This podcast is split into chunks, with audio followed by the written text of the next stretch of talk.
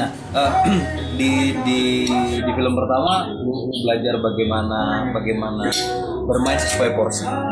Di film kedua lu belajar bagaimana bahwa bagaimana membangun membangun ika- ikatan, membangun bonding antar pemain, bukan hanya as a karakter, bukan hanya sebagai karakter, tapi juga sebagai sebagai eh, apa aktornya. Nah, di film fiksi, itu kan di film fiksi dapat banyak apresiasi, termasuk nominasi FF.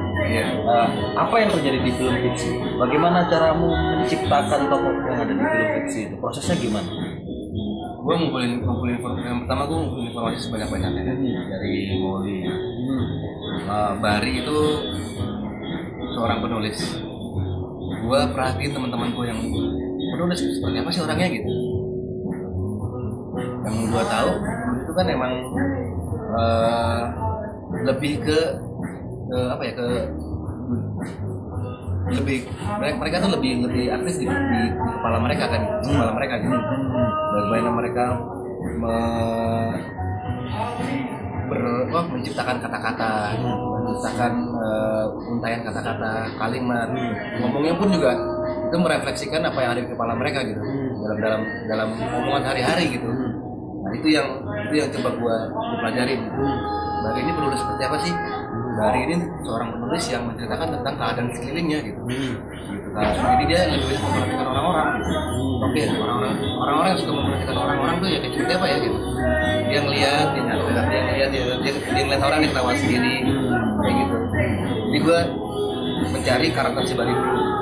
Orangnya seperti apa ya? Dia dalam berpikir seperti apa ya? Gitu mengetahui cara dia berpikir seperti apa sih apa yang ada di pikiran dia. Kalau misalnya dia jalan nih itu gue observasi misalkan gue jalan jalan naik bis gitu. Gue coba bersikap seperti Bari ya gitu. Misalkan dia ngeliatin orang ngeliatin orang oke gue coba tulis cerita. Walaupun nggak seperti Bari ya tapi gue coba tulis cerita lah. Kalimat aja.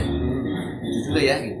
Ada eh, pasangan yang ada pasangan yang eh, bertemu dengan jalan hidup. Jalan hidup apa? Jalan hidup percintaan mereka di sebuah bis kota yang penuh dengan uh, penumpangnya. Kayak gitu gue coba tulis gue ngeliatin orang gue tulis ada ibu-ibu sendiri gue tulis. Gue bersikap seperti Bari Nah, itu berjalan selama masa reading gue ketemu sama Nadia pun juga gue jadi bersikap seperti Bari juga yang gue coba coba nggak tahu tentang Nadia itu seperti apa orangnya. Terus gue nanya-nanya karakternya si karakternya dia seperti apa gitu. Terus juga uh, pada saat dia latihan cello gue juga yang merhatiin latihan cello gue coba ngikutin kayak gitu kayak yang dari awal gue coba bersikap mem- apa ya menjalani hidup seperti Bari jadi begitu informasinya udah dapat udah start hari itu sampai akhir syuting gue bersikap seperti Bari gue coba hidup seperti Bari dari cara dia pakai baju makan cara dia cara berpikir gue lebih ke cara berpikirnya Bari Oke. gitu. oke pada saat itu Berarti lu secara nggak langsung di film fiksi lu udah kayak method aktor, Bang. Karena lu kan berusaha selalu dapat data, nah, terus kemudian lu berusaha untuk menjalani hidup lu seperti hidup tokohnya dengan data yang lu punya. iya Otomatis kan lu kayak semacam berusaha berusaha ada di konsentrasi tokoh, berusaha ada di kesadaran tokoh selama proses reading sampai proses syuting kan. Apa, apa lu kemudian di film fiksi bisa bilang bahwa lu seorang method aktor? saat itu gue cuma lebih ke insting aja sih Oke. lebih ke insting gue gitu kayak oke ini ada karakter karakternya gue juga bukan seorang penulis gue seorang, seorang ya gue orang lapangan gue nggak tahu bagaimana orang menulis seperti apa cara nulis seperti apa ya udah insting gue aja kalau gitu gue harus harus hidup seperti Bari ya gitu. bagaimana isi kepalanya. Selalu membuat kata-kata dalam dalam dalam apa pun yang dia, dia, dia lihat. Gitu. dan mungkin juga emang dari bekal gue awal kan ketemu sama waktu latihan dari kasih torus gitu. waktu latihan sama di tempatnya Rudy dan kadang gue yang tiga itu emang gue didatengin dulu seorang metode aktor dari Australia. Oke. untuk dalam ketiga gue kalau Bali Project kan.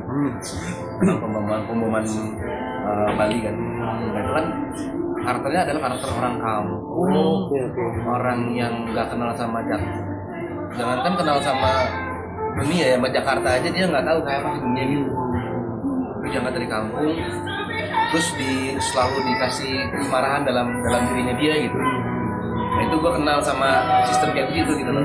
Itu metode kali ya Iya. itu metode kali ya gitu.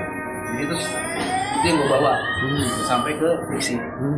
Gue harus harus eh, menjalankan karakter gue dengan cara membiasakan dalam kehidupan gue sehari-hari. Dan akhirnya udah gitu. Begitu saat acting pun juga gue gak berat. Acting gue cuma ngejalanin apa yang baru jalanin aja cuman dengan dengan arahan kayak gitu. Ntar lu naik tempat eh, ntar lu dari kamar mandi keluar ketemu sama si cewek gua ntar kenalan sama si eh, Ladia gitu kan. Udah gitu doang terus gua masuk kamar lagi udah. Gua nggak nggak switch antara Doni dan Bari lagi gitu. Udah Bari aja gua sih selama selama proses itu Hmm, Oke oke oke oke. Menarik.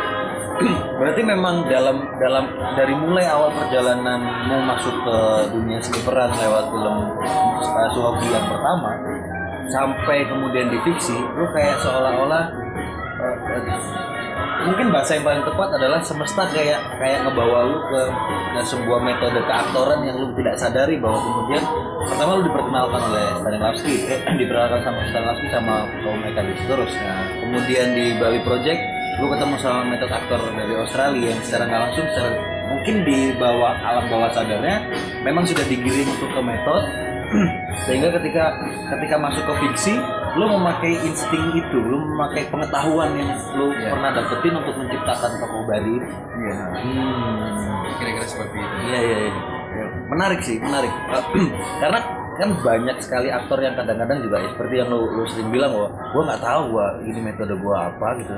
Gua nggak bisa mem- me- menamakan metode ini gitu. Tapi ternyata dari apa yang kita obrolan barusan, oh ternyata Mas Doni memang kalau aku bisa bilang bahwa basisnya memang basis Stanislavski Mas Doni ini gitu.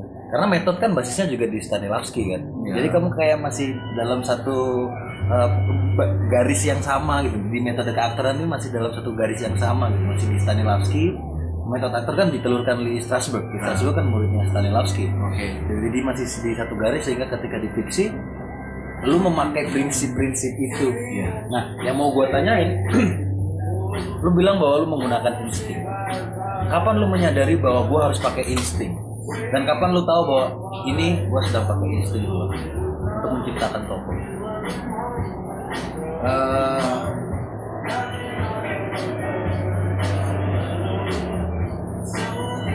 kapan ya? Gue jujur bingung kalau misalkan ditanya kapan lu harus pakai insting. Mungkin pada saat gue dikasih dikasih selembar kertas yang berisi tentang karakter-karakter ya. Apa namanya eh, breakdown karakter gitu. Karakternya seperti ini. Tapi kan nggak semuanya bro.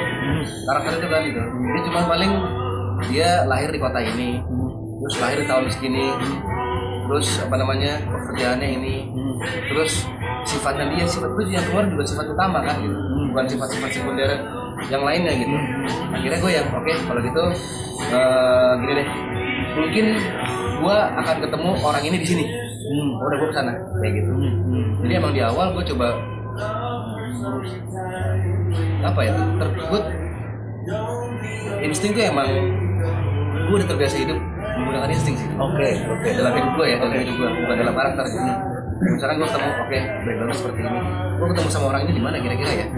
Oke mungkin gue ketemu ini di eh, mall ini. Atau ketemu di bis atau ketemu di jalanan. Ya udah gue jalan terus. Udah jalan aja. Gitu cuma mengandalkan insting aja. Akhirnya ketemu sama orang. Oke. Mungkin ini ya tapi kok setelah gue perhatiin ini nggak nggak mirip-mirip banget ya. Oke kalau gitu gue butuh informasi lagi seperti apa ya. Oke mungkin gue ketemu orang sini. Udah gue berangkat ke sana lagi. Misalnya gue udah ngumpulin beberapa gue ngomong tuh sama sutradara. Gue ketemu sama contoh kasus seperti ini ini ini ini, kira-kira gue kembangin yang mana ya? Kembangin yang ini dong oke kembangin yang ini kalau gitu gue harus ngapain lagi ya? Gitu, untuk kembangin lagi nih. Oke sekarang berarti gue harus ke pekerjaannya. Oke gimana pekerjaannya? Ini ini ini. Kira-kira yang yang bisa ketemu sama pekerjaan seperti ini ada di mana ya? Nanti gue ke sana kayak ya udah gue gerakin badan gue aja gitu. By insting aja udah. Dan kapannya harus gue menggunakan itu pada saat gue udah informasi gue terbatas. Oke, oke. Apakah gua dari yang gua baca, eh, ayahmu kan seorang pesilat, ya, dan dari kecil kamu belajar silat. apakah insting itu uh, uh, ber, apa buah dari pelajaran silat yang sering diajarkan padamu? Jadi kayak insting kan akhirnya kayak semacam sebuah kesadaran gitu kesadaran kira-kira setelah ini gue harus ngapain? Kira-kira setelah ini gue harus ngapain? Dengan membaca sekitar kan? Karena kalau membaca tokoh tadi tokoh ini nggak cocok nih. Itu kan kesadaran bahwa tokoh ini nggak cocok karena lu punya data. Kemudian lu punya insting nggak cocok nih. Gue harus nyari tokoh yang lain. Nah apakah masa kecil lu yang ayah adalah seorang uh, silat dan lu diajari silat apakah itu berefek pada caramu mencari tokoh cara mem- membangun kesadaran untuk mencari tokoh? Mungkin kali ya gitu. Hmm. karena bokap gue selalu bilang kan kalau misalkan kamu mau maju maju. Kalau misalkan kamu merasa kamu mundur lebih baik mundur. Oke. Kayak gitu. Oke, itu kan, itu kan oke. insting itu kan. Ah. misalkan kamu mau ke kanan ke kanan aja gitu. Mhm. mau ke kiri ke kiri aja gitu. Karena pada saat kita berhadapan sama orang kan kita eh, bingung nih nggak ada nggak ada formulanya kan harus berhadapan dari depan harus dari kanan harus dari kiri gitu. Mhm. terus bisa pada saat kita mengamankan diri gitu misalkan di bis gitu. Mhm. eh, perasaan gue nggak enak di sini udah gue mundur deh gitu. Nah setelah gue mundur gue baru nyari informasi tuh oke. Kenapa gue mundur ya? Oh ternyata eh, ini adalah jalur yang paling aman untuk gue keluar. Jalur yang paling aman untuk gue nggak dikeroyok sama orang. Jalur yang paling aman gue untuk melakukan perlawanan gitu, kayak gitu Mhm. kalau misalnya gue berhadapan sama orang gue ini enaknya ke kanan nih gue ke kanan gitu. Gue hadapin dia dari kanan gitu. Emang di dilatih seperti itu gitu. Nah, ngikutin ngikutin ngikutin insting gue gitu Hmm. Oke, kalau gitu ini gue serahkan gue apa pertama kali ya oke gue ke bawah berarti gue ke bawah gitu.